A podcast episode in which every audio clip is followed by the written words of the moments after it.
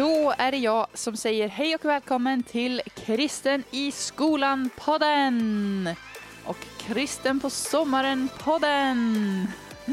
Det här är en podcast som eh, produceras av elev och studentorganisationen Ny Generation. Jag heter Emma Bergqvist och är nationell ledare för Ny Generation ett litet tag till innan jag lämnar över till legenden Andreas Häger. Och Ehm, ja, Ny Generation jobbar med att stötta dig som är ung kristen att kunna och våga och vilja stå upp för din tro på Jesus i skolan. Och när jag pratar om att stå upp för din tro i skolan så, så menar jag egentligen att, eh, att inte dölja din tro utan att den där tron ska få vara med i din vardag genom att eh, kanske ha en ny generationgrupp, genom att berätta om Jesus på det sätt som kommer naturligt för dig, eh, för dina vänner och att hitta just ditt sätt att eh, berätta om vem Jesus är för din generation. Så uh, vi, uh, vi som jobbar här, vi älskar det här. Vi tycker det är en superviktig fråga och jag personligen som har jobbat här i 15 år ser det som ett stort privilegium att få ha jobbat med så många unga människor som på olika sätt har tagit steg tillsammans med Jesus under så många år och på så många olika platser i Sverige. Så jag är väldigt, väldigt glad för det. Och du ska vara jättevälkommen till podden idag. Vi har ju haft en eh, jättehärlig säsong bakom oss under hela den här vårterminen. Och nu kör vi då de här Summer Edition av Kristen i skolan-podden. Och det är ju helt enkelt för att vi vet att skolan inte är igång på sommaren. Men vi tänker också att det är viktigt att använda somrarna till att vila upp sig, att ladda om, men också att liksom reflektera över vem är man tillsammans med Jesus? Kanske hitta lite ny energi, inspiration, nytt fokus, ny motivation. Låta Jesus få fylla på en så att man också kan kliva in i hösten och känna att nu är det jag och Jesus som eh, kör tillsammans liksom, ett år till på, på min skola. Så därför har vi de här eh, sommar, sommarpoddarna också. Nu är vi också inne i en, eh, vad ska man kalla det för, en liten serie där vi djupdyker i olika bibliska personers liv och funderar på vad kan vi ta med från deras liv eller vad kan vi lära oss av deras liv. Och för två veckor sedan så pratade vi om eh, Maria och jag delade några tankar där och eh, jag läste också ett, ett bibelord från Hebreerbrevet 12 där det står att eh, vi som liksom lever nu, vi ska löpa uthålligt i det lopp som vi har framför oss. Och jag vill säga det även i den här podden, att jag tror den tanken är bra att ha med sig, att, att eh, trots att vi lever i en annan tid än vad människorna på Bibelns tid gjorde, så är vi alla lärjungar till Jesus. Vi brottas med samma saker, mer eller mindre i alla fall. Vi kan utsättas för samma typer av eh, funderingar och Eh, tvivel ibland och särskilt när det kommer till det här liksom att våga ta steg för Gud eller våga göra något för Gud eller våga tro att man, att man kan göra någonting för Guds rike så, så finns det faktiskt ganska mycket som stämmer överens med vårt liv nu och eh, det bibliska, de bibliska personerna som vi kan läsa om. Så vi får se dem som vår stora inspiration helt enkelt. Innan vi dyker in i dagens person, jag ska inte avslöja eh, riktigt än vem det är, så har vi ett litet kort Thank God It's Monday! Och ni som har lyssnat hela säsongen vet ju att eh, vanligtvis brukar Hanna och Andreas och jag eh, utmana varandra eller ja, tävla mot varandra på olika sätt. Nu sitter jag här själv. Andreas och Hanna kommer komma in här om en liten stund och um, ja, ge sina tankar och reflektioner på den här bibliska personen som vi snart ska prata om. Men de är inte här just nu för det här segmentet utan det är jag som kör då lite tips kan man säga under de här sommaravsnitten. Och eh, idag så vill jag tipsa dig om en bok som heter Lär oss att be som är skriven av en kille som heter Pete Craig. Och um, ja, Pete Craig, ni kan se det också i beskrivningen av det här podcastavsnittet om ni glömmer bort. Det är en jättebra bok som handlar just om att be. Den, den har till och med undertexten typ en enkel bönebok för normala människor. Alltså den, den är eh, tanken är liksom att det ska vara en hjälp och ett verktyg för bara helt vanliga kristna att kunna växa i sitt böneliv. Jag är den första att skriva under på att det här med bön ibland kan kännas Samtidigt som det är väldigt naturligt så kan det kännas väldigt krångligt. Man kanske inte vet hur man ska be eller liksom vad, hur ska man tänka när man ber? Finns det olika typer av bön? Och vad säger Bibeln om bön och hur tar det sig uttryck konkret och praktiskt i ens liv och sådär. Och den här boken är just till för att hjälpa oss med de eh, frågorna. Så eh, den, eh, jag tipsar starkt om den boken om det är så att du vill också ta den här sommaren och kanske djupdyka lite på just det här med bön. Sen tänkte jag, det här, det här tipset, det är kanske lite egocentrerat men ni får liksom ta det för vad det är. Men ett tips om man typ ligger mycket på stranden eller bara har mycket tid att fördriva, det är ju faktiskt att lyssna om på hela säsongen av Kristen i skolan-podden. Och inte vet jag, börja från eh, avsnitt ett eller ta de ämnen som du tycker är mest intressant. Och eh, jag vet inte, kanske sitta och lyssna och ta med dig, liksom skriv upp dina guldglimtar från varje avsnitt där du tycker det är extra bra eller tipsen som du tycker sticker ut eller tankarna som du tycker passar perfekt in i din situation och på något sätt plocka russinen ur kakan, om man nu gillar russinen, men ni vet, plocka det bästa ur kakan så att eh, du kan bli, eh, ja, men påminnas om eh, att ladda om för höstterminen som kommer där framme. Nu är vi ju mitt, mitt, mitt inne i sommaren och jag hoppas att du kommer ha ett härligt sommarlov fram till skolstarten. Så det är inte det att jag vill hasta på detta, men eh, det är alltid bra att fundera lite på vad som faktiskt kommer sen där eh, i framtiden. Det ligger där. Skolstarten ligger som en horisont att fästa blicken på. Så det var mina Thank God It's Monday-tips idag. Och nu då ska vi dyka in i dagens person. Och dagens person är ingen mindre än Jesaja. Det lät som att jag också skulle ge honom ett efternamn, men det har jag inte. Jesaja någonting, någonting.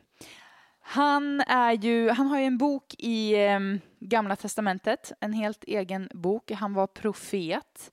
Och han fanns i en tid när eh, Israel hade haft ett gäng kungar som hade bekänt sig till Gud, alltså Israels Gud, våran Gud. Men sen så började då de hedniska sederna att återinföras i landet och i kulturen och i vanorna och sådär det var en tid med, med eh, mycket korruption, med, det var mycket fokus på materiell rikedom. Det var något som präglade samhället väldigt mycket. Det var liksom en orolig tid politiskt med konflikter och belägringar. Och mm, ja, jag vet inte, jag ska inte dra för stora växlar på att jämföra det med vårt samhälle idag, men, men helt enkelt en situation när samhället börjar gå emot då det som eh, det som eh, Israels gud tidigare hade liksom sagt till folket och så. Så Jesaja kliver in mitt i den här tiden. Hans profetior handlar mycket om eh, olika domar som Gud skulle fälla. Han kallas ibland för typ domsprofeten. Men också om eh, Messias profetior. Eh, no, det, ibland så kallas eh, Jesajas bok för att det är liksom gamla, eller att han är gamla testamentets evangelist. För att det är, eh, han pratar så mycket om Messias som ska komma. Och så många löften om Messias som ska komma. Det är faktiskt också den gammaltestamentliga text som är mest citerad i Nya testamentet. Så Jesaja var en otroligt viktig profet under sin tid. Men hans story börjar ju inte där. Det gör det ju aldrig i princip. Att, att det börjar med att någon är en stor profet eller att det börjar med att någon springer i mål. Utan det börjar ju ofta med att någon blir kallad av Gud. Och jag vill också säga det här uttrycket att bli kallad av Gud. Det kanske låter, eller för det första kanske man inte riktigt vet vad det betyder och det kanske också låter lite gammaldags. Men det handlar ju helt enkelt om när en, en story börjar mellan Gud och en person. Alltså när någon får ett möte med Gud eller när början på en vandring eh, startar. Liksom. Så jag tänker faktiskt att vi ska läsa om eh, när Jesaja får sitt första möte med Gud. Och då kan man läsa då i Jesajas bok kapitel 6, vers 5 till 8. Och då, då, ehm, då har vi alltså Jesaja som får ett starkt möte och så säger han så här då. Ve mig, jag förgås, ty jag är en man med orena läppar och jag bor ibland ett folk med orena läppar och mina ögon har sett konungen, Herren Sebaot. Då flög en av seraferna fram till mig. I hans hand var ett glödande kol som han med en tång hade tagit från altaret. Med det rörde han vid min mun och sa, när nu detta har rört vid dina läppar har din missgärning tagits bort från dig och din synd är försonad.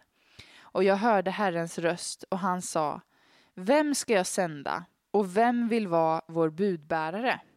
Då sa jag, här är jag, sänd mig. Han sa, gå och säg till detta folk, och så börjar Gud prata. Eh, och, och, det jag vill komma åt här, det är alltså att, att eh, Jesaja möter Gud och har ett, eh, ett starkt möte. Han, han ser någon syn, han ser de här änglarna, han ser ett altare och han inser att jag är en syndig människa. Och då först så flyger den här ängeln fram och rör vid hans läppar och säger att nu din synd är försonad. Och då hör Jesaja Herrens röst och då säger Gud då, vem ska jag sända och vem, vem vill vara vår budbärare? Och då kliver Jesaja själv fram och säger, här är jag, sänd mig. Och då så börjar Gud bara tala till honom. Då kommer liksom första budskapet direkt. Då, då är det liksom igång. Och det finns mycket som jag fascineras av den här berättelsen. Men det första som jag också ville liksom skicka med in i din sommar och, och som jag också har försökt plocka med in i mitt eget liv så gott jag har kunnat. Det är att längta aktivt efter Gud. Det, det som är fascinerande med den här situationen är ju liksom att, att Gud faktiskt inte säger till Jesaja, hej snälla Jesaja, kan du bli min budbärare? Kan, kan jag få sända dig? Kan du göra det här? Utan att Gud ställer en öppen fråga, så här, vem vill? Vem vill vara min budbärare? Vem vill jobba tillsammans med mig? Och så är det Jesaja själv som kliver fram och säger, här är jag, sänd mig. Och då är det liksom allt Gud behöver. Det är liksom det som krävs för att Gud ska börja tala. Och vi kan ju ha inställningen att, att invänta att Gud ska knacka på vår dörr, liksom, eller knacka på vårt hjärta. Och det gör han ibland. Men vi kan också själva be Gud att sända oss. Vi kan längta aktivt efter att få göra någonting för Jesus jag, skulle nästan vilja kalla det för någon typ av Jesaja-attityd. Att det är liksom en vilja att gå Guds ärenden, en vilja att bli använd av Gud. Och jag kommer tillbaka till det så ofta det här att Gud, eh, liksom, han letar inte efter de bästa personerna, han letar inte efter de smartaste, de snyggaste, de roligaste, de mest intellektuella människorna, utan han letar efter villiga hjärtan människor som är villiga att gå för Gud eller springa sitt lopp för Jesus. Det finns en, en bibelvers i Matteus, i Matteus 22, vers 14, där det står att ty många är kallade, men få är utvalda. Och det här är ett eh, det här är ju i samband med en liknelse om bröllopsgäster, att det, det, det är ett, ett, någon som ska gifta sig och bjuder in människor men de börjar tacka nej till inbjudan. Och då utökar man inbjudningarna lite och så bjuder man några, några fler och de fortsätter att tacka nej och de har inte tid och de ska greja med så mycket. Och sen till slut så går man ut och säger så här, hörni, vem som helst som vill får komma på den här bröllopsfesten. Och jag ska återkomma till den liknelsen, men, men i det sammanhanget så står den här versen då, många är kallade men få är utvalda. Och det kan man ju tycka att den här versen då låter lite, mm, lite problematisk. Betyder det att Gud har ett, ett A-lag och ett B-lag liksom? Eh, några är kallade men få är utvalda. Jaha, okej, hur vet man om man är en av de utvalda få? Eller är man kanske bara kallad? Eller hur vet man om man har avancerat till att bli de utvalda och, och är det några som får liksom special treatment av Gud och sådär.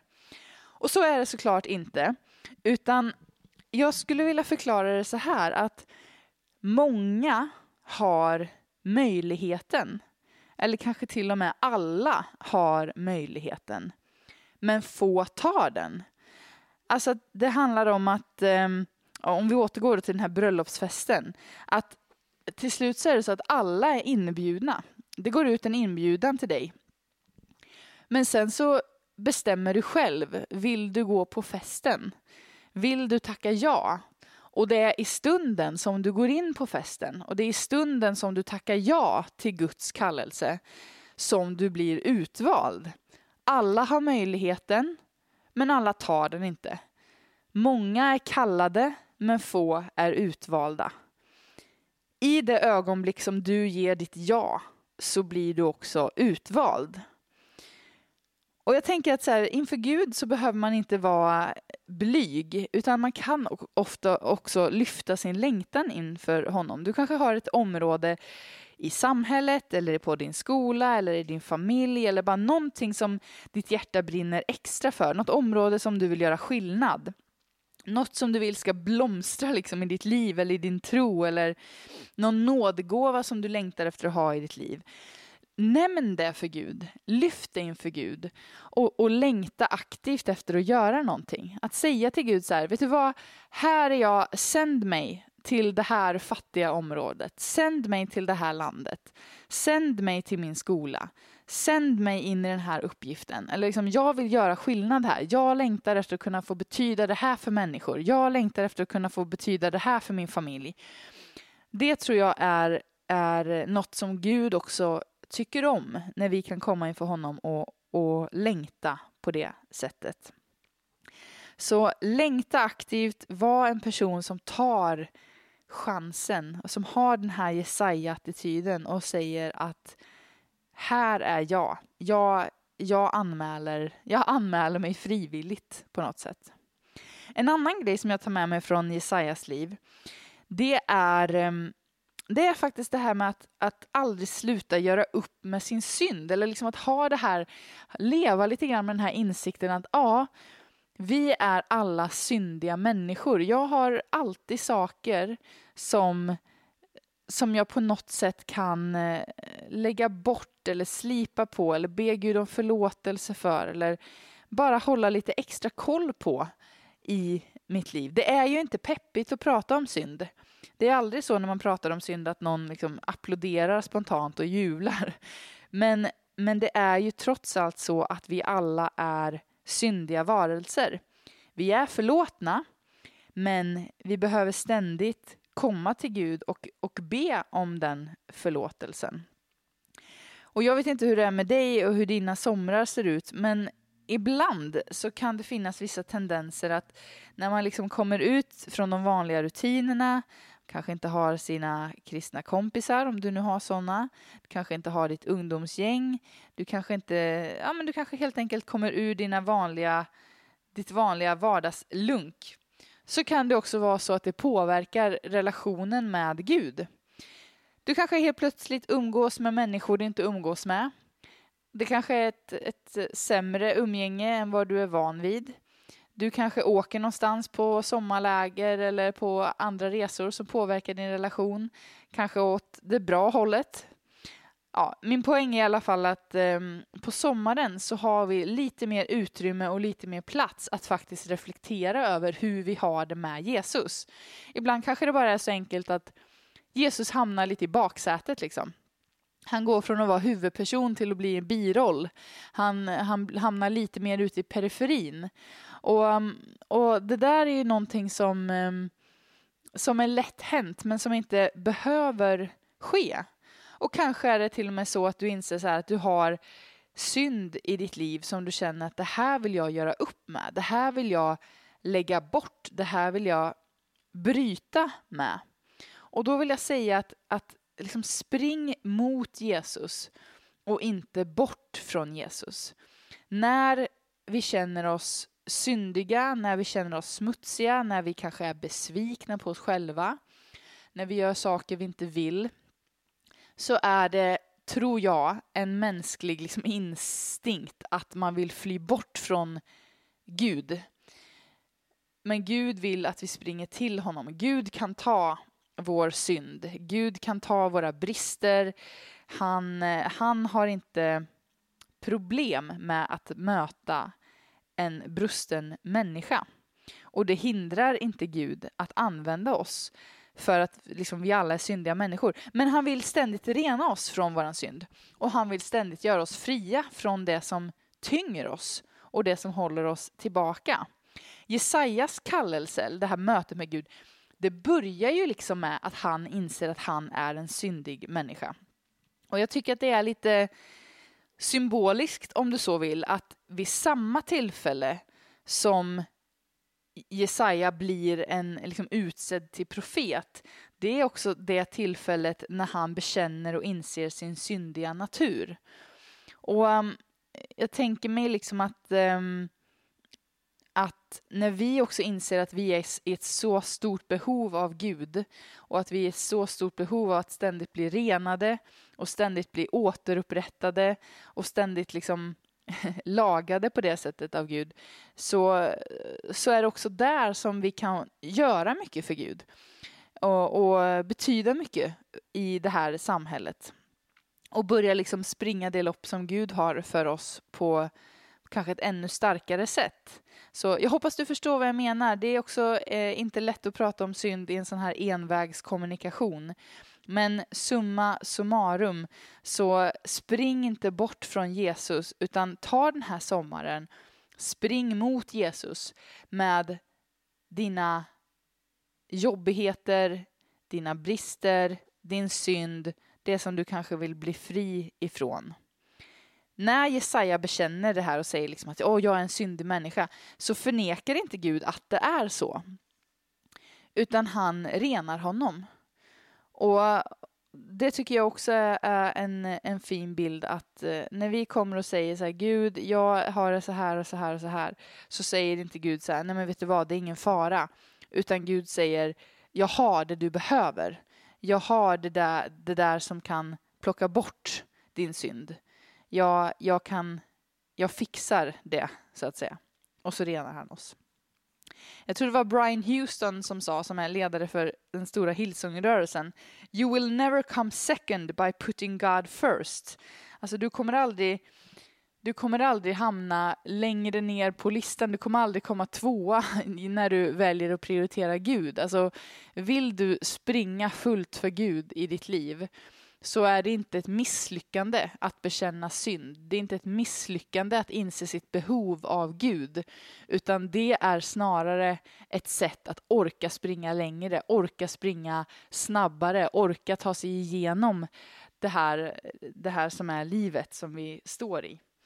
Så du kommer aldrig komma tvåa när du väljer att prioritera Gud, utan det är alltid en bra en bra strategi för att du ska kunna leva en, en, ett äkta liv med Jesus ett helt liv. Mm. Jesaja.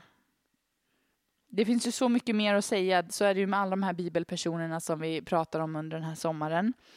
Och Jesaja har ju en helt egen bok, så att är man intresserad så är det ju bara att eh, dyka ner i Jesajas bok och, och läsa och försöka sätta sig in i den tiden i historien. Men att, eh, att fortsätta bekänna sin synd, fortsätta att sätta Gud högst upp och, och fortsätta liksom att eh, längta aktivt efter att få göra något för Jesus. Det är någonting som jag tar med mig från Jesajas liv och som jag hoppas att du också vill göra. Okej, nu är det dags att kalla in mina poddpartners Hanna och Andreas för att höra deras reflektioner kring det här. Hur mår ni idag? Strålande! Kanon. Ja, vi har tagit oss in i sommaren. Ja, det är, alltså, det är nice.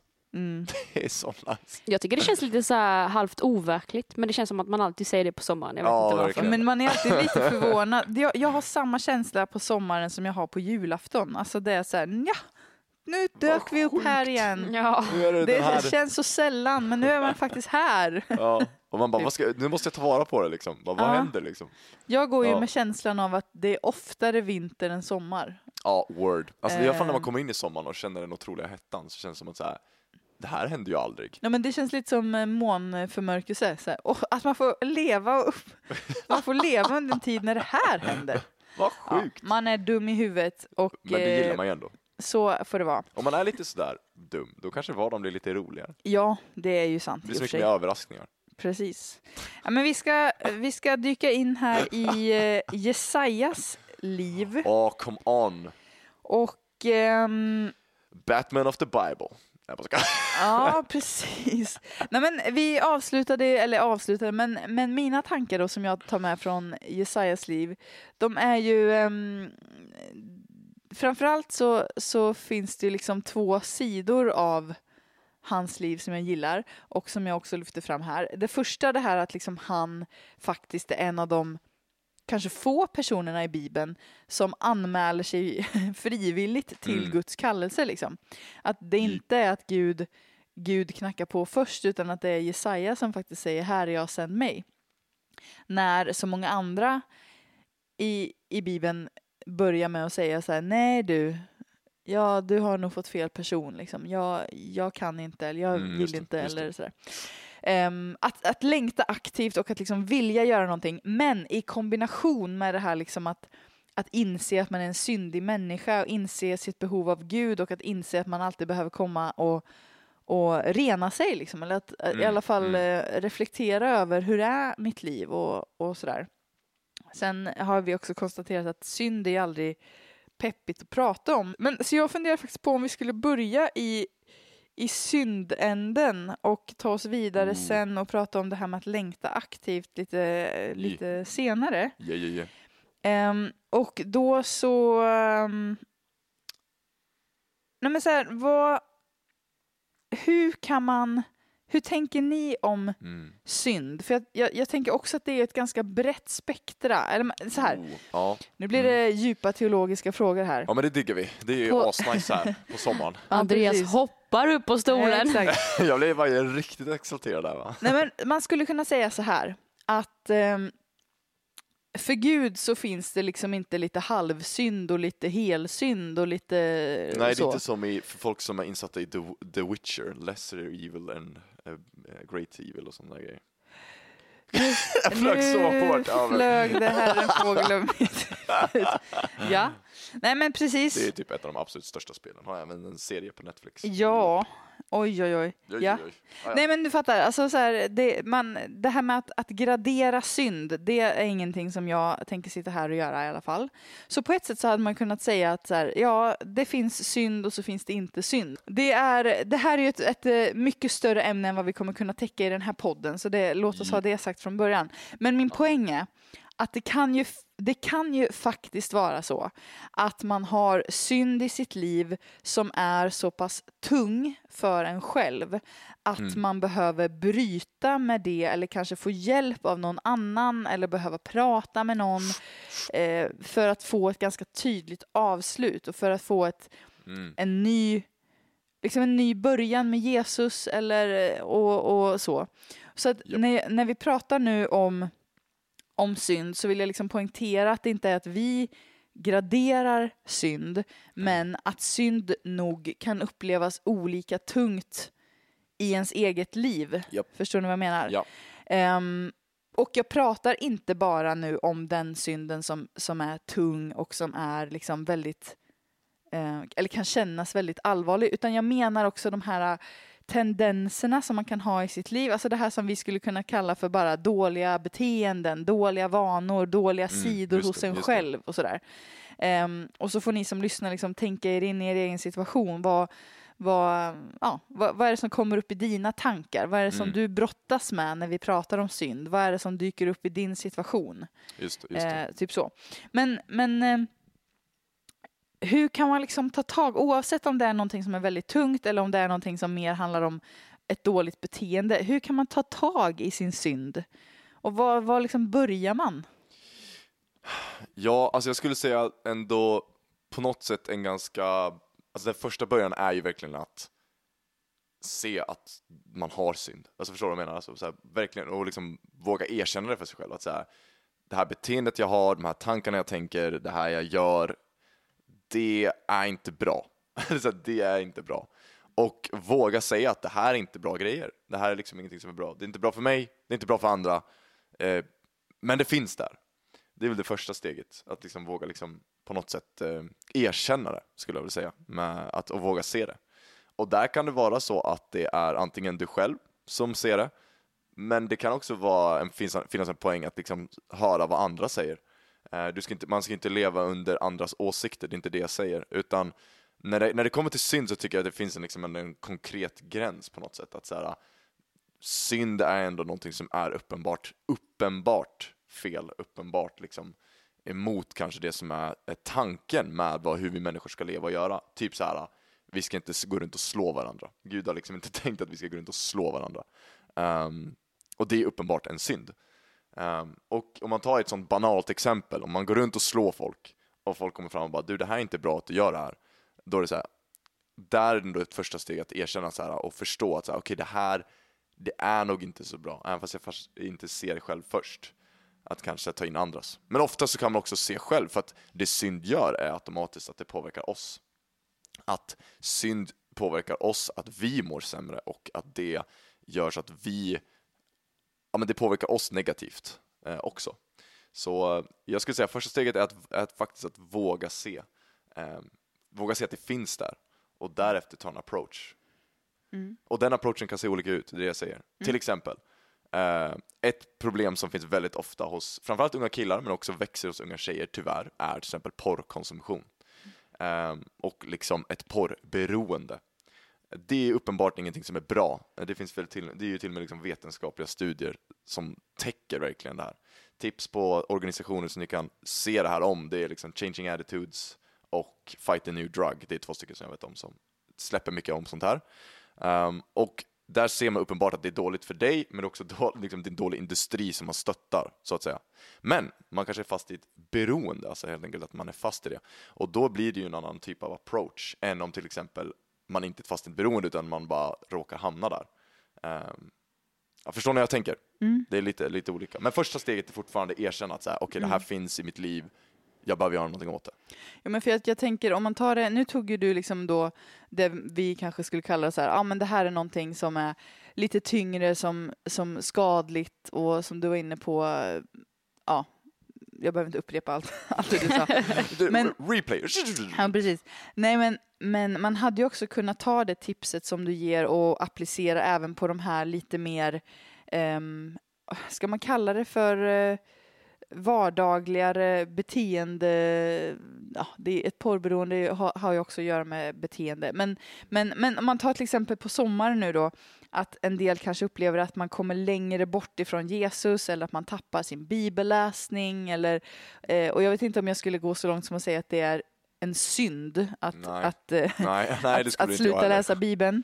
Det vill jag ha sagt. Men liksom att man känner så här, mm, nu kanske jag har hamnat i nya vanor som, som inte stärker min tro. Eller det kanske handlar om att man börjar följa något konto på Instagram som är destruktivt. Man kanske, man kanske börjar hänga med nya kompisar som inte är bra för en. Man kanske hamnar i, i situationer man känner att man blir liksom meddragen på ett sätt som man inte vill eh, och så. Men jag tänker ändå att man skulle kunna, det här som du säger, att, att erkänna det för sig själv eller på något sätt att, att leva lite med ögonen på sig själv och faktiskt tänka så här, oj, jag har, inte, jag har inte öppnat min bibel här nu på ett tag, varför är det så?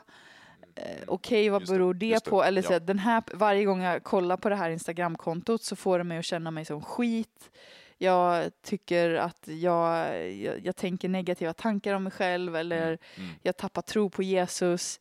Det här är kanske någonting, alltså att, ja. för det låter ju som att det du vill komma åt är lite grann eh, att vara ärlig ja. med sin situation. Ja. Typ. ja, och det tycker jag, det tycker jag är viktigt. Mm. Och den ärligheten, eller den insikten ska jag säga, kan komma, ut, kan komma från personer runt omkring. Mm. Um, också. Liksom. Så att, men det, det är det, både i sig själv men också genom andra personer. Mm. Och därefter skulle jag säga att ta en approach. Och det första steget skulle jag säga. Nu är det som att jag bara kör på. Men det första steget är att erkänna för sig själv. Därefter skulle jag säga bekänn inför Gud och bekänn inför andra människor. Inte att du ska gå upp på en scen och köra. Det kan vara så att det är, det är ett steg du behöver ta, men det är ett väldigt stort steg. Liksom. Men ta och berätta det för någon som du har otroligt mycket förtroende för. För det, det kan vara något som är otroligt intimt. Det är bara du och Gud som vet om det. Så första steget, bekänn inför Gud. Våga säga out loud i ditt rum eller i skogen där du känner att du kan vara själv och liksom ingen annan hör, det är bara du och Gud, ni är ensamma. Våga säga det out loud till honom bara så här. Det här finns. Han vet det, men han vill också att det, fin det finns en poäng i att bekänna det själv också inför honom. Men därefter också göra det till en annan människa, för att då blir, då har du uttryckt det till en annan person och då är ni helt plötsligt tillsammans i att kunna se det här. Uh, och det finns en otrolig styrka i det. Jag tror att det, alltså det finns en så styrka i gemenskap. det känns som jag återkommer till det ganska ofta. Mm. Men det finns en otrolig styrka i gemenskap. Se andra människor som en välsignelse i ditt liv. Boom. Mm. Men eh, det är, eh, gå till någon som du har väldigt stort förtroende för. Eh, Det kan vara en pastor, en präst, din ledare i en församling eller i ditt sammanhang, ehm, en kompis, jag vet inte, men någon som du har väldigt stort förtroende för, en förebild du har, ehm, som du kan säga det här till. Inte så här, jag lägger det här på dig och nu så liksom är, nu ska vi två liksom lösa det här typ. Men bara att bekänna det är faktiskt en stor, stor poäng. Mm. Inom katolska kyrkan så har man ju bikt till exempel, eh, vilket är då den, den funktionen är liksom att man ska kunna göra det bland annat.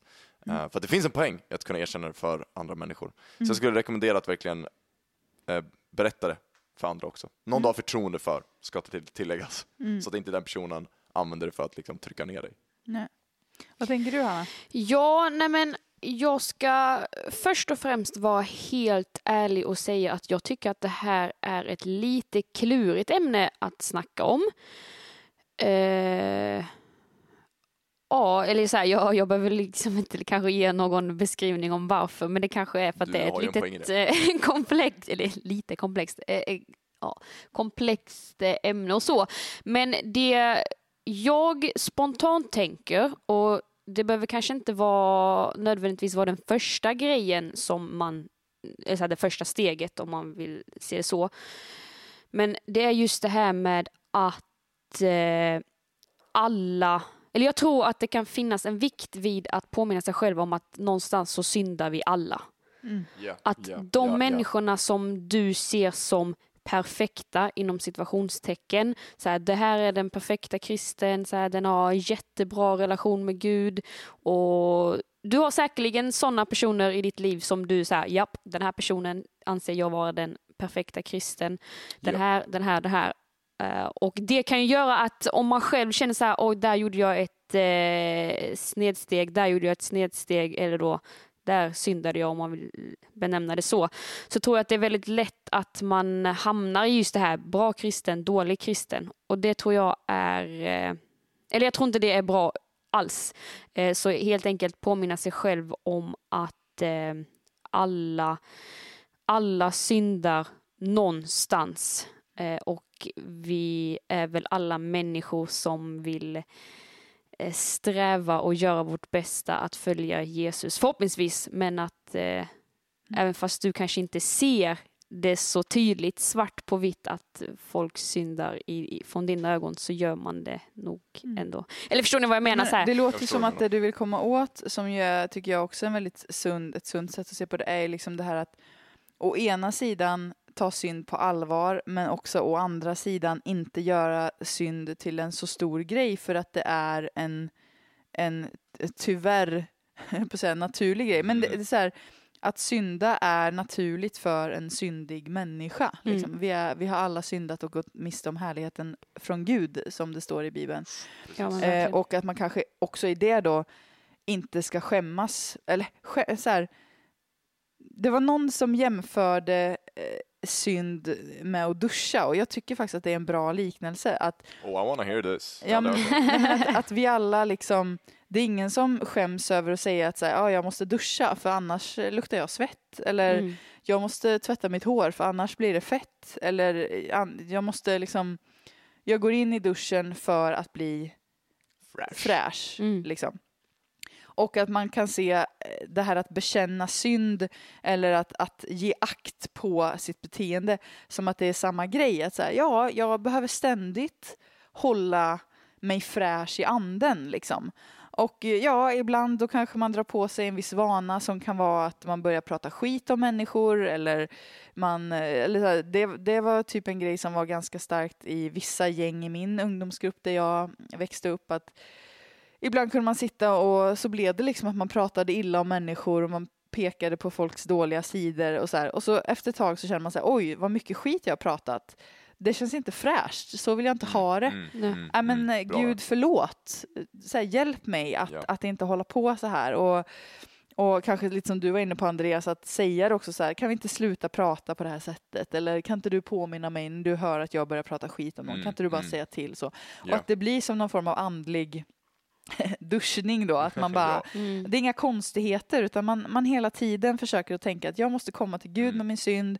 Jag måste, jag måste liksom hålla, jag vill hålla mig fräsch, jag vill att min Mm. Ja. ande ska lukta gott liksom. Jag vill Ja. inte bli en sunkig, jag vill inte, vill inte bli sunkig liksom i min tro.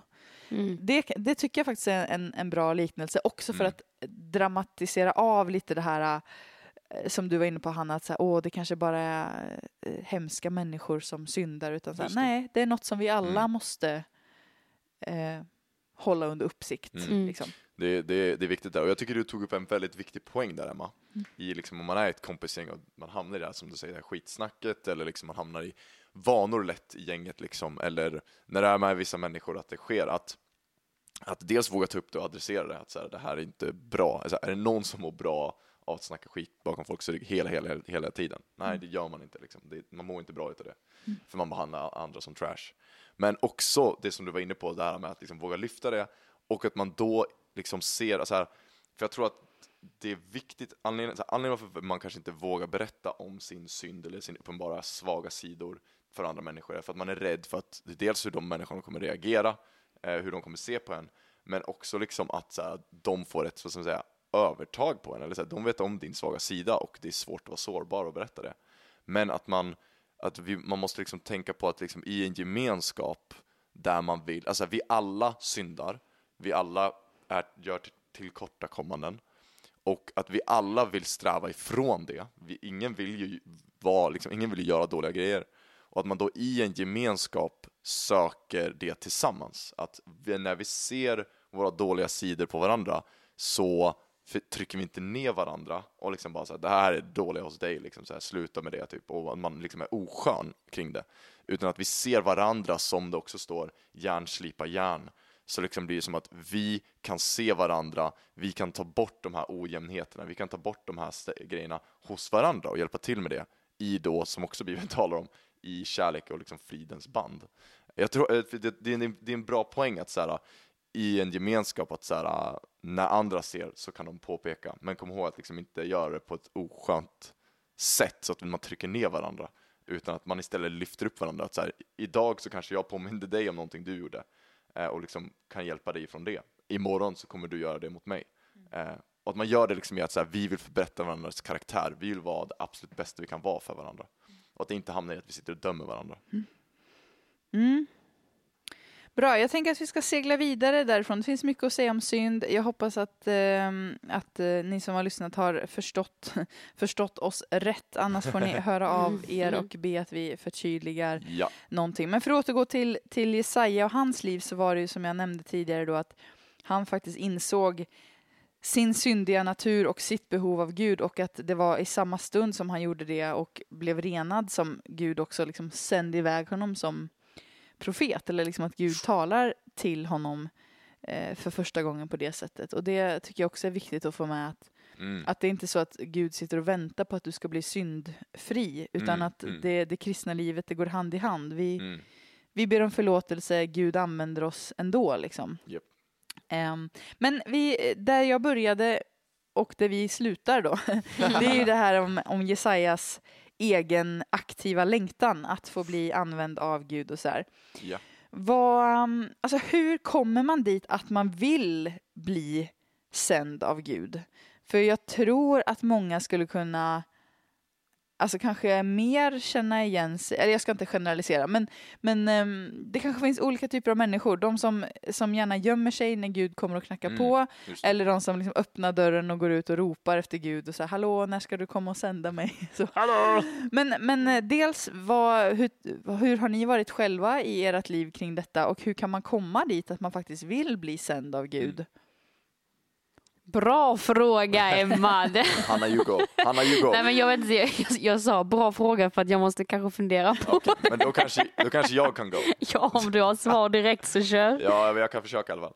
Eh, jag skulle ändå säga att jag har eh, uppenbart längtat. Det skulle jag väl ändå säga. Att jag kan känna igen mig lite i Jesaja, i att så här, Gud använd mig liksom. Eh, Att man ändå haft den längtan helt enkelt.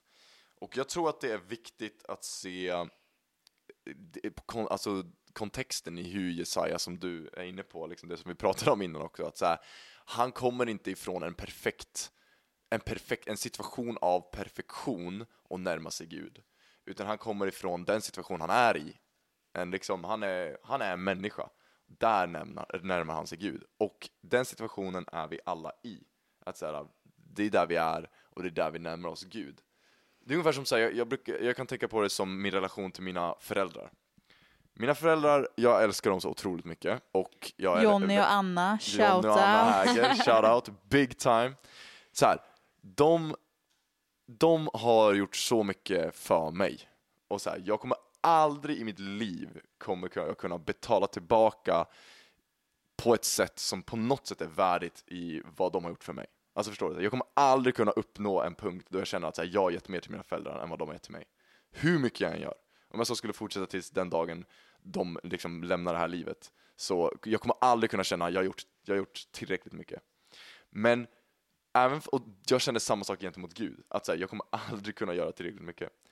Och då på något sätt, där ska man antingen hamna i två diken. Antingen att man hamnar i typ så här. Eller jag tror att det är lätt att hamna i ett av dikena som är att man känner sig totalt underlägsen, jag får inte närma mig och så fort du går, som du sa, Gud kommer in genom dörren eller liksom Gud kommer in genom dörren och jag gömmer mig för att jag känner så här, jag känner typ en skam inför den personen. Det är ena diket att hamna i och där vill inte, jag tror inte Gud vill att vi ska hamna i det diket. Att liksom så här, jag drar mig bort ifrån dig Gud för att du, liksom jag, du är, alltså jag, jag vågar inte, jag känner mig så okvalificerad inför dig liksom. Utan på något sätt så, eftersom att man är i det läget av att säga jag kommer aldrig kunna göra tillräckligt mycket för att kunna nå upp till en värdighet, liksom. Utan allt jag kan lita på är din nåd och att det du har sagt är sant. På samma sätt som med, med liksom mina, mina föräldrar, jag kommer aldrig kunna göra tillräckligt mycket för att det, liksom, på något sätt få dem att älska mig, förstår du vad jag menar? Eh, utan så här, jag litar bara på att så här, de gör det. Och på samma sätt är det inför Gud, att så här, vi får lita på honom att han, han gör det. Eh, och utifrån den punkten att så här, jag litar på dig Gud, att du gör det. Och med den attityden så närmar jag mig att så här, du säger så här, de här grejerna om mig och det är det jag litar på, mer än att titta på mig själv och liksom dra mig bort ifrån dig. Att istället så väljer jag att så här, okej, ja men då litar jag på det, det du säger för att du vet hur mycket du har gjort för mig, jag vet hur mycket du har gjort för mig, Eh, men du säger ändå de här grejerna, då väljer jag att lita på dig i det. Och då kommer, då liksom utifrån det känna en längtan i att så här, jag vill göra det du vill gentemot mig. Ut, även fast jag vet att jag inte kommer kunna göra tillräckligt. Alltså det är så här, det är grund, grundbulten är liksom inte att jag ska försöka uppbåda någonting för att vara värdig det här. Utan grundbulten är redan från början att jag kommer aldrig kunna göra det. Grundbulten från början är, jag gör det utifrån den nåd du har gett mig. Jag gör det utifrån den kärlek du har gett mig. Jag gör det utifrån det du har sagt. Det, det, den, liksom, de grejerna, de löften du har gett. Och att då kan man gå in i den kallelsen, man kan gå in i den längtan och på något sätt ta den approachen att så här, om det är så från början, då kommer det vara så hela tiden. Eh, och jag kan bara göra mitt bästa. Förstår du vad jag menar? Det blir lite lång utläggning och det kanske var lite oklart. Nej, men eh, alltså jag tror så här, de som känner igen sig, de som har längtan att vilja bli sända, Mm. det tror jag ju att det är ett jättebra perspektiv, liksom det här som du var inne på, att, att Mm. det på något sätt grundar sig i att vilja, vilja göra sitt bästa och vilja göra det man kan Mm. och medvetenheten om att det inte handlar om att, liksom, att prestera eller Mm. ge tillbaka, utan Precis, ja, precis. mer så. Ehm, men om vi om vi funderar på de som kanske känner så här, nej men jag vet inte om jag vill bli sänd. Ja, Vad, ja. vad Mm. kan man tänka på då? Eller liksom, Mm. jag har ju en egen tanke som jag kan dra snabbt så, så. men jag, jag tror ju lite på det här att att, ehm, att man också får, får tänka på att Gud kommer inte om jag säger så här, men Gud, här är jag, sänd mig, så har ju Gud också så pass mycket vetskap och omsorg om oss att han Mm. för honom är inte man en främling och att han inte vet vad man kan och gör och, och hur man mår och hur man är utan att, Mm. att han kommer inte då bara kasta in i, en i någonting som man inte klarar av utan Mm. att, att, att säga till Gud här är jag, sänd mig Mm. Är ju liksom att Gud på något sätt fattar den i handen och säger så här okej då tar vi första steget här Mm. och det här kanske blir bra för dig liksom. Mm. Eh, och, och att det inte handlar om ehm, ja, att man ska offra sig själv på något typ av altare och, och Gud bara säger nice, nu kan jag göra vad jag vill med dig liksom. Ja. Utan att det är mer en vilja att säga, men Gud, jag vill våga. Jag vill Mm. ta ett steg. Japp. Ehm, Mm. Jag, jag, tror, Typ. tror, ja, men jag tror det där är viktigt. Liksom att utifrån Och- Gud, det du har sagt, så, kommer jag, så vill jag våga. Mm. Och, jag också, här. och jag tror också faktiskt om man tittar på den här, det här bibelstället som jag läste tidigare när Jesaja liksom, eh, blir kallad så då säger ju Gud liksom eh, vem, vem vill vara min budbärare? Vem ska vi sända liksom? Mm. Och det tror jag kan hända i olika situationer. Alltså man kanske står på ett eh, ungdomsmöte eller man kanske är på någon informationsträff om någonting eller man kanske är på ett eh, Mhm. ny generation eh, konferens eller vad som helst. on! Och att i den situationen så kanske man upplever att Gud säger vem vill, vem Mm, ska sända? mm. Och det kanske handlar om ett specifikt ämne. Det kanske handlar om så här, utsatta barn i Indien eller Mm. det kanske handlar om det som du var inne på, att jobba i någon eh, organisation mot eh, porrindustrin eller Mm. något sånt samhällsproblem. Eller det Ja, kanske ja. handlar om att, att, som vi pratar om, att vara kristen i skolan. Och att i olika mindre kontexter så kan Gud säga, vem ska jag sända? Ja, och att ja. man, där man gensvarar på är någonting konkret. Så här, okej, Mm. ja, du kan sända mig till min skola. Ja, du kan Mm. sända mig in i det här arbetet. Ja, Mm. du kan sända mig in i den här organisationen. Förstår ni vad jag menar? Att, Ja. att, Mm. att det behöver ju inte vara att det är så här, ah, här är jag, sänd mig och sen nästa dag får du liksom en biljett till Grönland på posten och så ta, åker du dit och så får du se vad som liksom. Utan att, att det handlar liksom mer om så här, där du är just nu, Mm. där kanske Gud kallar dig och säger så här, vet du vad, här, här kan du göra någonting. Mm. Mm. Verkligen. Ja, jag, jag håller med. Bra Nej, men, Hanna! eh, Om man tänker på lite det som du sist nämnde, eh, sist nämnde Emma. Nej men det här med eh, till de som kanske känner så här, "Eh, vill jag ens bli sänd och hur, hur kommer man dit typ? Och helt ärligt, det, det första jag tänker på är så här, det här smaka och se att Herren är god.